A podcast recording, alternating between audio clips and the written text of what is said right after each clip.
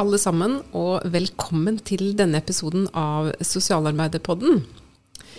Mitt navn er Hanne, og i dag har jeg besøk av to dyktige sosionomer som jeg er veldig glad for har tatt uh, turen her inn i studio for å snakke med oss om det de jobber med. Og Det er uh, Maren, og det er Marit. Kan ikke dere uh, presentere dere litt sjøl først? Marit, hvem er du? Jeg heter Marit Nybø, er utdanna her i Oslo og har um, jobba i um, ulike deler av feltet. Um, jobber nå som avdelingsleder for fattige tilreisende i Kirkens Bymisjon. Flott. Uh, vi skal høre mer fra deg, Marit, og høre litt mer om hva dere holder på med. Men uh, Maren, du må få presentere deg, du også. Ja, hei. Jeg heter Maren Amle Stinesen. Eh, jeg er fra Bergen. Jeg har reist litt rundt og jobbet litt rundt i Europa. Jeg har min eh, sosionomutdanning fra Østerrike og eh, med en master fra Nord-Oslo MET. Jeg har, I Norge så har jeg jobbet på Kirkens Bymisjon helt frem til for akkurat et år siden. Så da jobbet jeg for Marit. Nå jobber jeg for Fairplay Bygg. Ja, Fairplay Bygg det er en eh, litt sjelden arbeidsplass eh, for eh, sosionomer, veit jeg. Så jeg lurer på om vi rett og slett bare skal starte der, en Maren. Rett på. Hva er det du jobber med, egentlig? Ja, jeg mener jo at det er sosialt arbeid. og det er jeg altså- helt enig i, ja. for å ha sagt det. Nei, altså det er Fairplay Bygg er en ideell organisasjon som er topartssamarbeid mellom arbeidsgivere og, eller arbeidsgiverorganisasjoner og arbeidstakerorganisasjoner i utgangspunktet. Der eh, de seriøse bedriftene og eh, arbeiderne har satt seg lei på arbeidslivskriminalitet, og at veldig lite blir gjort. Fairplay Bygg har eh, vært er flere steder i landet og har vært drevet og er drevet av mange kloke bygningsarbeidere fagforeningsfolk og eh, mye eks-politifolk. Og i Oslo så er vi fire stykker. Der er jeg den eneste som har noe eh, altså sosionomutdanning, da. Mm. Fordi Vi leste jo en eh, flott artikkel eh, om deg i Fontene for en tid tilbake, hvor, vi, hvor journalisten rett og slett hadde vært med deg på jobb og fulgt deg rundt eh, i den uh, det du holder på med da, sånn til daglig. Så hvis det er noen som blir nysgjerrig på det du har å fortelle nå, så vil jeg tipse de til å gå inn på Fontene sin, sin nettutgave eh, og lese mer om det der. Men kan ikke du fortelle oss litt om en sånn vanlig arbeidsdag, da? Hva, hva gjør du sånn helt konkret? Ja, vi eh, jobber med å avdekke og dokumentere og forebygge lovbrudd i bygg- og anleggsbransjen, nå også telekom og eh, elektro det utvider seg eh, stadig. Så eh, min arbeidsdag eh, Jeg begynner gjerne med at vi får inn tips, gjerne fra arbeidere, naboer, byggherrer, seriøse firmaer, hvem som helst. Og da begynner vi å samle informasjon rundt et tips. Det kan være at noen ikke har fått lønn. De aller fleste tipsene våre får vi jo fra ideelle organisasjoner. Mm. Og da er det jo mest fra disse arbeiderne og eh, vi prøver å møte arbeiderne så fort som mulig, eh, samle informasjon om hva som har skjedd, og lage eh, gode beskrivelser og forståelser for lovbruddet, så vi kan sende til myndighetene og støtte arbeiderne videre. Men reiser dere ut på arbeidsplassen da, og oppsøker de som dere har fått tips om har utfordringer av ulike slag? Ja, vi reiser ut på arbeidsplasser. Eh, vi har eh, eh, med oss det utstyret vi trenger for å, å gå inn opp i høyden, og det har vi fått, fått kurs og mm. sånne ting.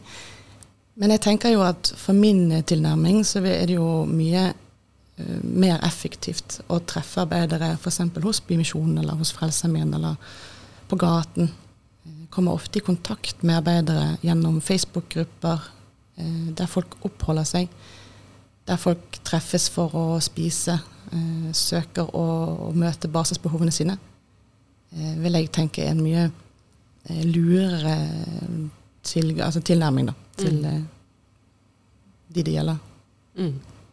Spennende. Vi skal høre litt mer om det etterpå. Men dette kjenner vel du også igjen, uh, Marit. For dette, det, dette, handler jo om å møte mennesker som kanskje går litt sånn under radaren i forhold til liksom det offisielle eller offentlige hjelpeapparatet. Og som ikke sjøl tar kontakt med hjelpeapparatet for å få, å få, nødvendigvis få hjelp heller. Og der har jo Kirkens Bymisjon også en veldig stor rolle å spille.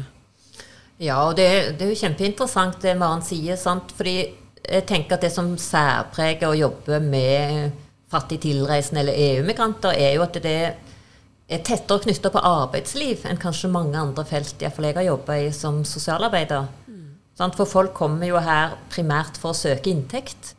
Så hele, hele det der grense, grenseoppgangen mellom hva som er arbeidsliv og hva som er sosialt arbeid, er jo mye mer det er, mye, det er en veldig tett sammenheng. Mm. Og jeg tror det er kjempeviktig òg i forståelsen at det er det er mobiliteten i Europa sant, som, og søken etter inntekt som bringer folk til Norge. Så jeg tror det er kjempeviktig å, å tenke arbeidsliv og arbeidslivsinkludering eh, istedenfor å bare på en måte name dette som fattigdomsutfordringer eller rene sosiale problemer. Sammenhengen er veldig, veldig sterk, da. Og det er jo kanskje både det som er utfordrende og spennende i dette feltet, da. Mm. Og disse valgene og dette kjenner jo vi som skal utvikle arbeid. Sant? Skal vi drive liksom, med matutdeling, eller skal vi jobbe mot arbeidsutnyttelse? Sant? Eh, og vi må gjøre begge deler. Fordi det er, det er, folk i prekære situasjoner. Så vi må på en måte dekke basisbehov. Samtidig så må vi på en måte ta tak i liksom, de problemstillingene som er mer strukturelle rundt denne gruppa. Arbeidsliv, eh, rasisme eh, mangel på rettigheter, f.eks. Mm. Mm. Jeg syns dette her er veldig interessant, for jeg tenker at dette går rett sånn inn i kjernen av det som er faget vårt. Da. Dette som er sosialt arbeid, og sørge for at folk får si, eh, rettighetene og behovene sine ivaretatt. At de har tilgang på en bolig, at de har nok penger å leve av, at de har mat på bordet, at de har et arbeid å gå til når de si, kan og vil arbeide. Um, men, men, Marit, hva er din erfaring? Uh, for dette er jo fattig tilreisende syn. Dette er ikke norske eh, personer vanligvis, da, for å si det sånn. Um, hvorfor, hvorfor, er de mer utsatt enn andre i, i, det norske samfunnet? Det er interessant bare hva vi kaller de. Mm. Og, og, for jeg tenkte liksom For ti år siden så syntes vi det var kjempebra å kalle de fattige tilreisende, fordi da kalte samfunnet de bare tiggere, liksom. Mm. Og så tenker jeg at når vi jobber med dette feltet i ti år, så, så, er vi blitt mer opptatt av å tenke at det er EU-migranter. Eh, For de er det var viktig å si at de er fattige, og at det er mangel på inntekt som bringer de til Norge. Men, men, nå er det blitt viktigere enn noen gang å tenke at dette mye mer handler om handler om arbeidslivet, da. Men hva var det du egentlig spurte om? For det var, dette ble en litt lang innledning. ja, jeg spurte egentlig om hvorfor, hvorfor klarer vi på en måte ikke å gi et godt nok tilbud til denne gruppa kontra si, de som allerede bor i Norge, da? Eller de som er, er kanskje norske statsborgere, eller jeg tror det er to ting. Det ene er at det er en ny gruppe. Og, og, vi har politikk for de norske norske, og så har vi en type politikk for flyktninger, liksom. Og så har vi mangla lite politikk for det som handler om arbeidsinnvandrere. Og så har det vært en sånn forestilling om at de må ta ansvar for seg selv. Uh, som jeg tenker, Og at de ikke har rettigheter. Og så tenker jeg det, det er mange rettigheter de bør ha bedre, men de har rettigheter. Mm. Uh, lov om sosiale tjenester omhandler denne gruppa. Det er paragrafer å bruke. Mm. Så jeg tror det har vært en sånn forestilling om at rettighetene er mindre enn det de er, og, og manglende politisk vilje til å lage politikk. Mm. Og så er det jo kanskje en, sånn, en moralsk bunnlinje her som handler om at hvis du ikke klarer deg sjøl, så får du heller reise hjem, på en måte. At, uh, ja, og den har vi latt råde, uh, særlig når det gjelder liksom, knytta til arbeidsinnvandring. Ikke sant. Hva tenker du, Maren? Kjenner du igjen det Marit sier? Ja, absolutt. Og så har jeg lyst til å legge til at det blir jo uh, Altså denne gruppen, som du sier, den er jo enormt stor. Og det er jo ikke en, eh, det er ikke en homogen gruppe. Det er jo veldig mange mennesker eh, som eh, kommer for å jobbe, kommer kanskje med en jobb, faller av. Eh, kommer, prøver å finne jobb eh, mer eller mindre realistisk. Eh, kommer fra veldig isolerte bakgrunner. Altså det er mye forskjellig. Og så har jeg lyst til å legge til et aspekt som jeg har sett også mer og mer dette med tillit. mange av arbeiderne vi snakker med, snakker om at de har kommet til Norge også fordi at de vet at det er et godt sted å jobbe. Man har høy tillit til velferdsstaten, man har høy tillit til seriøsiteten. Der eh, flere har uttalt at i andre land de har vært og jobbet, så har de vært litt mer skeptiske og litt mer forsiktige med hva kontrakter osv. Men i Norge så er fallhøyden stor. Fordi at, som vi også gjerne ser, at eh, vi eh, i Norge som er vant med denne tilliten, eh, kanskje har en blindsone. Der vi har tillit til at eh, myndighetene har, eh, har, koll på dette, har kontroll på disse utfordringene, og at det er større muligheter for å få hjelp når man først har eh, havnet i en dårlig situasjon. Mm. Og sånn er det ikke nødvendigvis? Nei, sånn er det eh, langt ifra. Det, dette feltet er veldig spesielt å jobbe med. Det virker veldig langt ifra mye annet i Norge. Det er veldig langt vekk fra velferdstenkning. Det er veldig langt vekk fra eh, arbeidslinjen vi vant med. Og veldig langt vekk fra kommunikasjon, likhet for loven, tilgang til informasjon utover det man klarer å få til hvis man har digital kompetanse. Så man faller jo ikke bare mellom flere stoler, man faller ganske langt utenfor. Mm. For jeg har jo hørt deg på et par konferanser du har fortalt litt om jobben eh, du gjør, og det er ganske sjokkerende fortellinger som dere har fra enkeltpersoner som dere jobber med, og hva de opplever i, eh, i arbeidssituasjonen sin. Kan, har, du en, har, du en, eksempel, på en måte, uten å eh, navngi noen, helt på å eller identifisere noen? Det, har du noe sånne typiske, noe du vil dra fram som du tenker dette er, sånn er det faktisk? Ja, jeg kan jo høre på mange eksempler, men jeg kan prøve på litt korthet. Eh, jeg kan gi et eksempel på når man faller helt utenfor. Og da hadde vi en eh, person som kom til oss og sa at han hadde arbeidet for en nordmann. Denne nordmannen ville ikke betale lønn, og de hadde hatt en konflikt som han viste noen bilder av på telefonen sin. Når jeg søkte opp hvem denne nordmannen var, for å hjelpe han å skrive et krav. Så viste det seg at eh, det var en person som hadde blitt dømt for en rekke veldig grove voldsforbrytelser, bl.a. Eh, mord. Og eh, denne personen, arbeideren, ble da akutt redd for å skulle vitne mot denne personen og skulle ta saken videre. Så eh, ringte jeg rundt til alle jeg kunne ringe til. Eh, Rosa kunne jo ikke ta og, For han var jo hjemløs. Eh, Rosa kunne ikke hjelpe, for det var ikke en eh, menneskehandelssak eller en tvangsarbeidssak eh, i den definisjonen. Eh, det var ikke vold i nære relasjoner. Eh, det var ikke en politisak som ga grunn til å få opphold på som vitne eller beskyttelse. Det, var, det, er jo sjelden at man har oppholdsrom til menn. Og hvis man da først har et, så er det jo en jobb å gjøre for å få disse mennene til å, å ta imot disse tilbudene også. Mm. Og på toppen av det hele så fikk jeg da tak i noen i politiet som um, var veldig interessert i å jobbe med den saken. Og på spørsmål om hvor farlig det ville være for han å være et hovedvitne, uh, så fikk jeg som svar at nå er det lenge siden han hadde, han hadde drept sist. Ja. Og da uh, bestemte vitnet seg for å, å, å, ikke lenger bidra, mm. og forsvant ute. Men dette er jo en person, nordmann, som vi ser eh, driver og bygger seg opp og ut nå, da. Eh, i, i a-krim. Mm. Man får på en måte innblikk i en stor sånn gråsone eller skyggeside da, i samfunnet som kanskje de fleste av oss eh, nesten ikke veit eksisterer. Mm.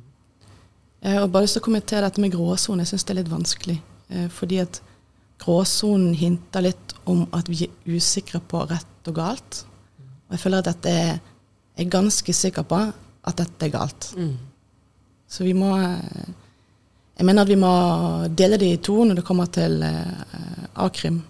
Eh, og det er forståelsen av arbeidsgivere som sparer litt på skatten, svindler litt, eh, kutter svinger, eh, behandler eh, folkene sine litt dårlig, ønsker ikke tariffavtale og sånn. Spørsmål som fagbevegelsen og samarbeidet med de seriøse arbeidsgiverne kan jobbe med, med sosial- og, og, og arbeidspolitikk osv. Og så det andre ganske store feltet som handler om vinningskriminelle som befinner seg eh, på arbeidsplassen. Og der må eh, vi tenke mer eh, på justis og rettigheter Så mm. jeg eh, tror at det må være ikke en gråsone, men mye klarere. Mm. Det er nesten litt svart og hvitt ja. på en måte. Ja. Men du, eh, Marit, dere har jo nylig gitt ut en rapport om situasjonen til uh, fattige tilreisende eller EU-migranter til, uh, til, Norge. Altså Kirkens Bymisjon har stått bak denne rapporten. fordi Eh, det som jeg syns jeg hører fra deg, Maren, og eh, som når jeg har snakka med deg tidligere, Marit, er jo at dette er jo en ganske sånn kompleks problemstilling. Altså Én ting er liksom problemet med arbeidsforholdet, men det genererer også veldig mange andre problemer knytta til inntektssikring, boligsituasjon, kontakt med det offentlige myndigheter i Norge. Hva var det den rapporten som dere ga ut, eh, avdekket? Ja, Den Rapporten som du sikter til nå, det var jo en rapport med fokus på bostedsløshet. Um, Fordi det, det, er Det er jo en type sånn Det er jo ganske stor hverdagsdramatikk. Altså Vi bruker ofte ordet prekært. Mer og mer, egentlig. Fordi det er noe med det er noe med det hverdagsdramaet som ligger at folk ikke, folk ikke, vet hvor de skal sove neste natt. Altså Det må vi øve oss på å leve oss inn i. Altså, for det er jo en type det er jo en dramatisk livssituasjon å være i i Norge. sant? Og vi driver en stor akuttovernatting um, som ikke har nok kapasitet, og er opptatt av det temaet.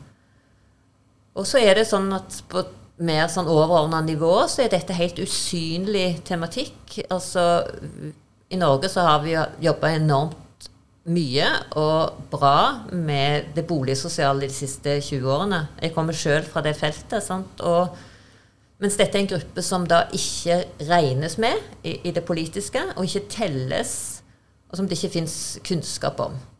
Bostedsløshet eh, Altså, de er ikke med i det norske regnskapet eller den norske politikken eh, og ambisjonen i forhold til å bekjempe bostedsløshet. Men, men, når du sier at uh, dere har en akuttovernatting, men dere har ikke kapasitet, hva betyr det sånn helt konkret? Det betyr helt konkret at det, det, er en ekte og høy risiko for at du møter en lukka dør eller ikke kan sove inne i Oslo en kald november eller desember. Det er en ekte realitet i vår by at ikke vi klarer å hjelpe folk inn, at ikke kapasiteten er stor nok, og at de ikke har noen rettigheter å slå i bordet med. Mm. Så det betyr at uh, dere må avvise folk i døra og si her er det ikke plass i natt, så du må finne, finne noe annet, eller alternativt bo under ei bru, eller det, Ja, det er mm. realitet, og det er realitet hver vinter, både hos oss og, og eh, på andre lavterskeltilbud. Det er en akuttovernatting til. Um, sånn har det vært de ti siste vintrene. Uh, og ja. Mm. Man er ikke sikra å sove inne som en grunnleggende eh, rett og mulighet i, i Norge. Mm. Og så sier du samtidig at dette dette er et ikke-tema i sosialpolitikken. Altså det er ingen som på en måte snakker om det, tar tak i det, ønsker å gjøre noe med det. Men hvorfor er det sånn? Jeg tror man er veldig redd. Akkurat som man har en veldig sånn frykt for at det, altså Man har jo den der gammeldagse forestillingen av at folk kommer her for å sove inne, liksom. Altså sånn pull og push og sånn. Det, det, hvis, det er, hvis, det er, for godt å være i Norge, så vil det komme ja. masse folk, ikke sant? Ja, ja. Man mm. har jo denne voldsomme forsiktigheten og en eller annen forestilling om at vi ikke må lage for gode humanitære tiltak. Mm. Um, og det er jo ingen forskning som, som, støtter opp under det. Det er gjort forskning f.eks. For på om folk kommer til Norge for å få helsetjenester. Det er ørsmå prosenter. Men, men, man er redd, da. Man er redd for liksom å ta ansvar for for mye. Og så er man unnfallende. Jeg mener at man er unnfallende som en del av Europa. Altså, det går an, Vi vil være en del av Europa på en måte når, når, det tjener oss, men vi har veldig vegring mot å tenke velferdsmodellen vår og forholde den til at vi er en del av Europa. Den skal liksom være norsk-norsk. Mm. Vi er ambisiøse og gode på den norske befolkning. Og så er vi veldig livredde for å tenke inkludering eller ekte diskutere uh, hva dette betyr. Hvilken plass denne gruppa skal ha i den norske velferdspolitikken. Mm. Hvordan er det å leve på den måten? Hva forteller de menneskene som dere møter, om livet sitt? Nei, altså Det slår meg innimellom, så tenker jeg liksom den der Vi må øve oss på å ikke glemme altså, der, den hverdagssituasjonen. Sånn, du vandrer rundt fra sted til sted for å på en måte finne et sted å sove, et sted å få gratis mat, et sted å dusje. Eh, og hvor mye det okkuperer av hverdagslivet ditt som du ønsker å bruke for å skaffe deg en inntekt, eh, og, og hvor stor utrygghet eh, Altså den utryggheten og usikkerheten som ligger i det. Og så kan vi lett forvente at folk skal gjøre alle de tingene, springe rundt på kontoret og registrere seg her og søke jobber der. Men, men, hvis man prøver å sette seg inn i en sånn situasjon altså Jeg hadde vært sinnssykt bekymra hvis jeg ikke visste hvor jeg skulle sove neste natt. Sant? Eh, og, og, her tror jeg vi bare må øve oss, så kan vi liksom i noen glimt skjønne hvor, hvor stress det er, altså. Og hvor, eh, hvor mye bekymra de må være. Eh, og hvor utrygge de må være. Mm, absolutt. Maren, du møter jo også mye av de samme problemstillingene. Men jeg har lyst til å pense oss litt over på dette altså Hvordan kan vi bruke faget vårt? da? Hvordan kan vi som sosialarbeidere bidra til å gjøre livet bedre for de menneskene vi møter, nesten mer sånn på individnivå, men også hva kan vi bidra med for å endre strukturen eller politikken, sånn at uh, vi slipper å ha sånne, sånne uh, situasjoner da i, i, i, samfunnet vårt. Og uh, kan ikke du fortelle meg litt, Maren, om hva Du er jo veldig flink til å promotere sosialt arbeid, at det at du er sosionom, at det er liksom en viktig Eh, et, et, viktig faglig fundament da, for den jobben du gjør. Men hvordan helt konkret bruker du eh, faget ditt i møte med mennesker som trenger hjelp fra deg? Jeg tenker at jeg har lyst til å bare begynne med først at jeg tror at en viktig del av det å være sosionom er å være god på tverrfaglighet. Eh, mm. Det å spille hverandre god når vi, når vi, jobber ute i feltet. og Jeg jobber med andre faggrupper som jeg kanskje ikke kjenner så mye til, og, og se hvordan vi sammen kan, eh, kan bidra. da.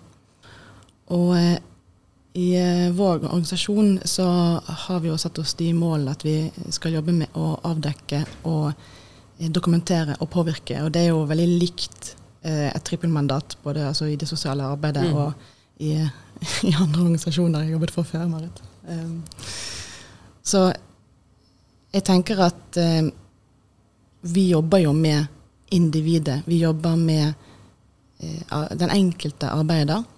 Og eh, som i eh, eksempelet jeg nevnte i sted, eh, det å kjenne til hjelpeapparatet og, ta disse telefonene og, og krangle seg videre, det tenker jeg er veldig, veldig bra. Men enda viktigere er kanskje eh, kunnskap om eh, kommunikasjon, om traumasensitive samtaler, om eh, skjønn og ideologi, om geopolitiske betydninger i, i, i, de små rammene. Eh, for plutselig så har man jo hele verden inne på kontoret og ute i feltet.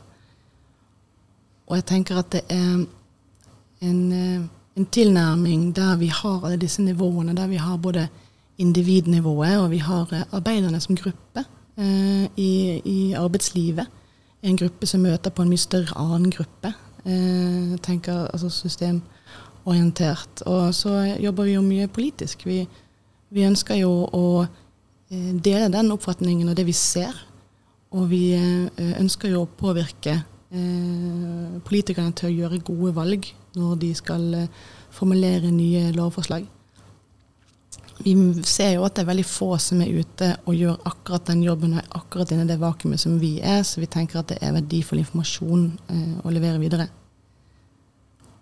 Og det er også så det er også det å bruke teoriene våre inn Altså ikke bare tilnærmingen og forståelsen for hva som kanskje er viktig å, å gjøre, men når vi snakker om f.eks. tvangsarbeid, som er jo et veldig sånn betent eh, spørsmål, og i det hele tatt menneskehandel, og hva er utnytting og sånn, så, eh, så tenker jeg at vi må eh, stille spørsmål om handlingsteoretiske spørsmål, sånn behovsanalyser. Eh, hva er det som beveger folk til å gjøre A, B og C? Sånn, hva er makt, hva er tvang, hva er frihet? Altså, de store spørsmålene blir veldig relevante veldig fort i små rammer hver dag for hvordan man skal gå videre med saken.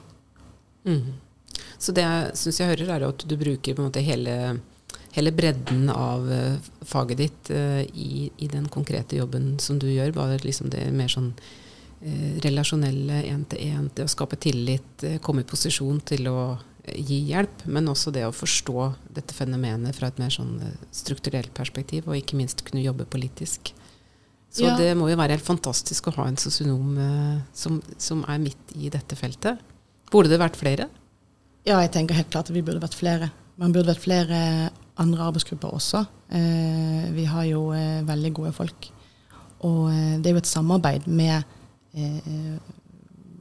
altså, veldig svære byggherrer også, som vi eh, jobber med. Altså, og og eh, ja, forskjellige fagforeninger og forskjellige eh, seriøse firmaer. Eh, og det er politikere. Vi får jo også eh, støtte fra Oslo kommune og Viken fylkeskommune, og sist nå også fra statsbudsjettet. Så det er jo eh, mange eh, spennende folk som har eh, samme interesse. Men jeg tror at den, det har vist seg ganske effektivt eh, fokusere først og fremst på arbeiderne, de individene det gjelder. Forstå eh, fenomenet fra et sosialfaglig perspektiv. Men også det å kunne gå inn og kanskje gå litt, rett og slett litt oppsøkende. Eh, kanskje kunne møte menneskene der, der de er, forstå folk i sin livsverden. Eh, kan hjelpe å formidle videre hvorfor det er viktig å få mer rettspraksis på feltet. Hva tenker du, Marit? Hvordan eh, bruker du faget ditt i det daglige? Jeg synes det, det, det, det er et morsomt spørsmål, for jeg tenker jeg har sjelden liksom, tenkt så mye over hva sosialt arbeid er som i dette feltet. Og kanskje fordi det er så lite på en måte det er så nytt, så, så, må vi jo ta stilling til utrolig mange ting sjøl. Det er liksom ingen som ber oss lage arbeid på den og den måten. Det er ikke noen som fører tilsyn med oss. Det er ingen forskrifter. Så, så på en måte så blir du stående veldig med faget, da, eh, og ha, må ta de diskusjonene, hva faget er. Og jeg tenker det er veldig egnet, både fordi vi kan liksom kan? Vi har både systemnivå, og vi har individnivå. Og, og, men det er jo vanskelig òg. Altså, hvor, hvor mye gjør du det ene, hvor mye gjør du det andre, og, og hvordan vekter du det og sånn. Men, men jeg tenker at sosialt arbeid i sin, i sin kjerne, egentlig, og, og med sitt helhetssyn, passer jo veldig godt for å kunne ta fatt på et litt sånn udefinert, udefinert felt. da. Og så tenker jeg mye på et nytt felt, at vi har, den vi har den maktkritikken. sant? Vi skal se dette fra svakeste ledd sin posisjon. Eh, og den aksjonismen som ligger i det, eh, det, det tenker jeg dette feltet trenger. Og, og, og, og vi bruker mye, sant? for det er mye men Her skal vi slåss både for synlighet og for, eh, for ny politikk. da. Nei, så jeg, så jeg tenker at faget Det har aldri vært spennende, mer spennende, egentlig, fordi vi må definere så mye hva, hva, hva betyr sosialt arbeid i dette feltet. da. Og der har jo jeg en slags forestilling om at det å jobbe i en frivillig ideell organisasjon som Kirkens Bymisjon gir deg noen eh, hva skal vi si, andre rammebetingelser, eller kanskje litt større friheter også, til å sette ting på dagsorden og jobbe kanskje mer sånn aksjonistisk og maktkritisk, som du sier, enn om man er del av et liksom, establishment, da, eller det, den offentlige forvaltninga, på en måte. Hva tenker du om det? Jeg tenker på mange måter at det er privilegert å være ideell sektor. Um, fordi at du sånn, Vi kan med større frihet liksom Jeg får sånn bilde av at vi kan rette spotten et eller annet sted. Hvor trengs vi mest?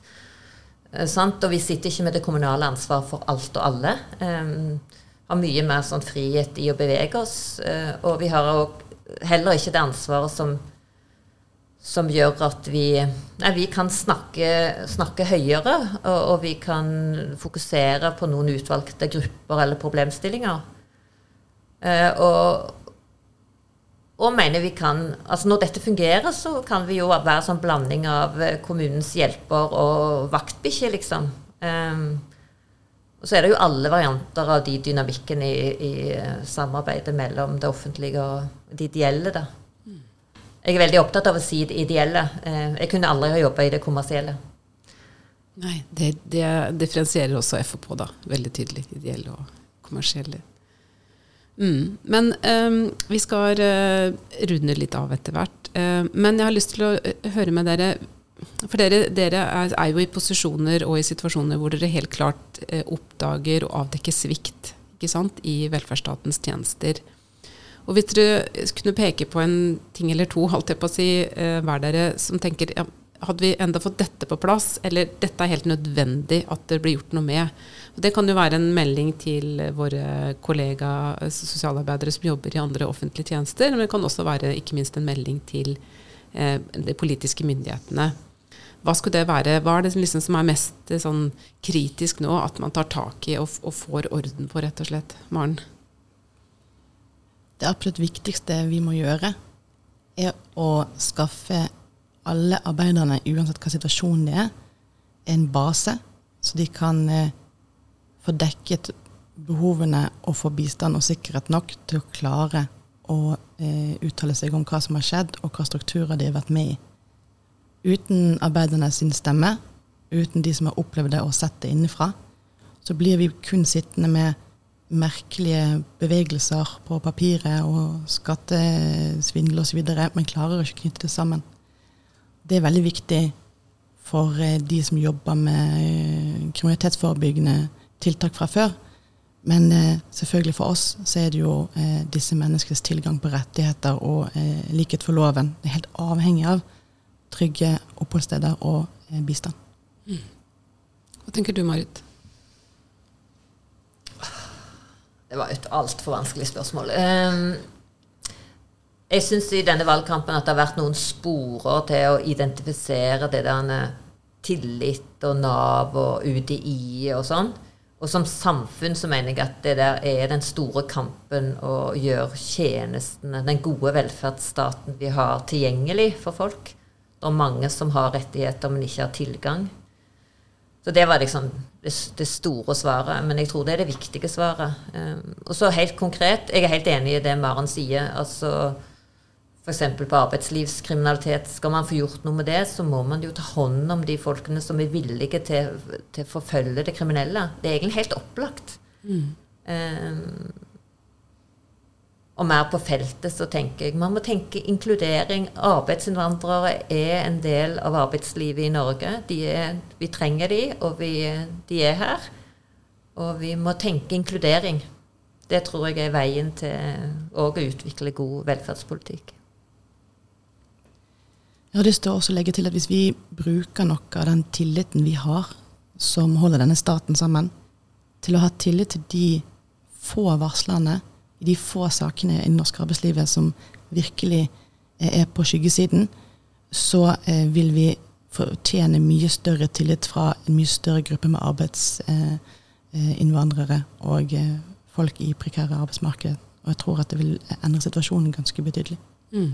Og jeg har bare lyst til å legge til for egen del at eh, det som kanskje vi alle kan gjøre som sosialarbeidere som jobber i ulike eh, fagfelt, er jo rett og slett å øke kunnskapen vår om denne, disse her problemstillingene. For jeg tror som sagt det er mange som egentlig ikke helt er klar over hvordan verden ser ut der ute. Og det å søke informasjon, gå inn på nettsiden til Fairplay Bygg eller Kirkens Bymisjon eller andre, lese seg opp på problemstillingene og rett og slett eh, ja, våge å se, da. Våge å ta inn over seg hvordan det situasjonen faktisk er. Og se hva gjør vi hos oss? Hva gjør vi på vårt Nav-kontor? Hva gjør vi i denne barnevernstjenesten eller i dette behandlingsapparatet? Er vi villige til å ta imot, eh, gi hjelp, eh, ivareta de rettighetene som folk faktisk har? Å reise den problemstillinga og diskusjonen på egen arbeidsplass. Det er i hvert fall en liten ting da, man kan bidra med. Og så kan jo i hvert fall vi som FO også bidra til å sette dette temaet på den politiske dagsorden. Mm. Og da er vi litt over på dette med FO-medlemskap, for dere er jo FO-medlemmer begge to. Det er vi eh, veldig glad i. Glad for, mener jeg. Eh, ja, vi er glad i dere òg, da, men vi er i hvert fall glad for at dere er FO-medlemmer. Eh, men eh, vi prøver jo også å bruke denne podkasten til å belyse litt ja, hvorfor skal man egentlig være medlem av FO. Hva, hva, hva, er det man får igjen for det? Og, og dere jobber jo i litt sånn ja, ikke, ikke, midt i våre kjernefelt, men allikevel midt i, i, i fagfeltet vårt, da, eller i faget sosialt arbeid. Men kan du starte med deg, Maren. Du har vel ikke så mange FO-kollegaer rundt deg, men du har likevel valgt å beholde medlemskapet i, i FO. Hvorfor har du gjort det? Jeg tenker at uh, medlemskapet i FO er helt uh, livsnødvendig for meg å beholde. Fordi at, som Marit nevnte tidligere, man bærer etikken med seg. Og det å få eh, faglig påfyll og være en del av et fellesskap som er et profesjonsfellesskap og et etisk fellesskap, og ha muligheten til å um, reflektere sammen med andre eller for seg sjøl, um, det er helt, helt avgjørende. For uh, som også Marit nevnte litt, det er jo ingen som fører tilsyn med akkurat det. Vi gjør i hvert fall ikke det jeg gjør. Eh, og uh, det er det var helt klart for meg så når jeg byttet at jeg må være hos FO fremdeles. Så bra. Og du Marit, du har vært FO-medlem i mange år, og til og med sittet i profesjonsrådet for sosionomene en periode. ja, og jeg tror, jeg tror, jeg tenkte helt fra jeg var studentmedlem at altså, det er viktig, altså at fagbevegelsen er viktig, at det er viktig å være organisert. Og så tror jeg den viktigheten har fått skikkelig oppsving etter begynner, når man begynner å jobbe tettere med arbeidsliv. Um, det tror jeg er det ene. Og så er jeg profesjonsstolt og glad i faget, med, mitt. Sant? Sånn at det å være i et profesjonsforbund har, det har vært helt selvfølgelig. Og så er jeg jo opptatt av liksom, muligheten FO har til å påvirke sosialpolitikk og velferdspolitikk. Ja, Så de tre tingene eh, tror jeg. Derfor er jeg medlem. Så bra. Det syns jeg var eh, god reklame. Uh, og bare lyst til å forsterke det siste du sier, at uh, nå har vi jo nettopp bikka 35 000 medlemmer. Og det er klart at i denne sammenhengen, når det gjelder politisk påvirkning og det å ha, ha, en stemme i det offentlige rom, så er det klart det er viktig at vi er så mange som mulig, egentlig. Så hvis det er noen uh, sosionomer eller barnevernspedagoger eller vernepleiere eller velferdsvitere der ute som lytter nå, som ikke er medlemmer, så vil jeg anbefale om å ta en titt på hjemmesiden til FO.no og vurdere å melde seg inn. Da blir du bli i hvert fall godt tatt imot, og du vil bli del av et stort uh, profesjonsfaglig og fagforeningsfaglig fellesskap. Mm. Tusen takk eh, til dere, damer. Det har vært veldig nyttig å, å lytte til det dere har å fortelle. Jeg håper også at dere som lytter på denne podkasten, har fått litt inspirasjon og litt innsikt i noen felt som vi kanskje vanligvis ikke snakker så mye om. Og som sagt så går det an å fordype seg litt mer i tematikken hvis man søker litt informasjon på nettet. Mm.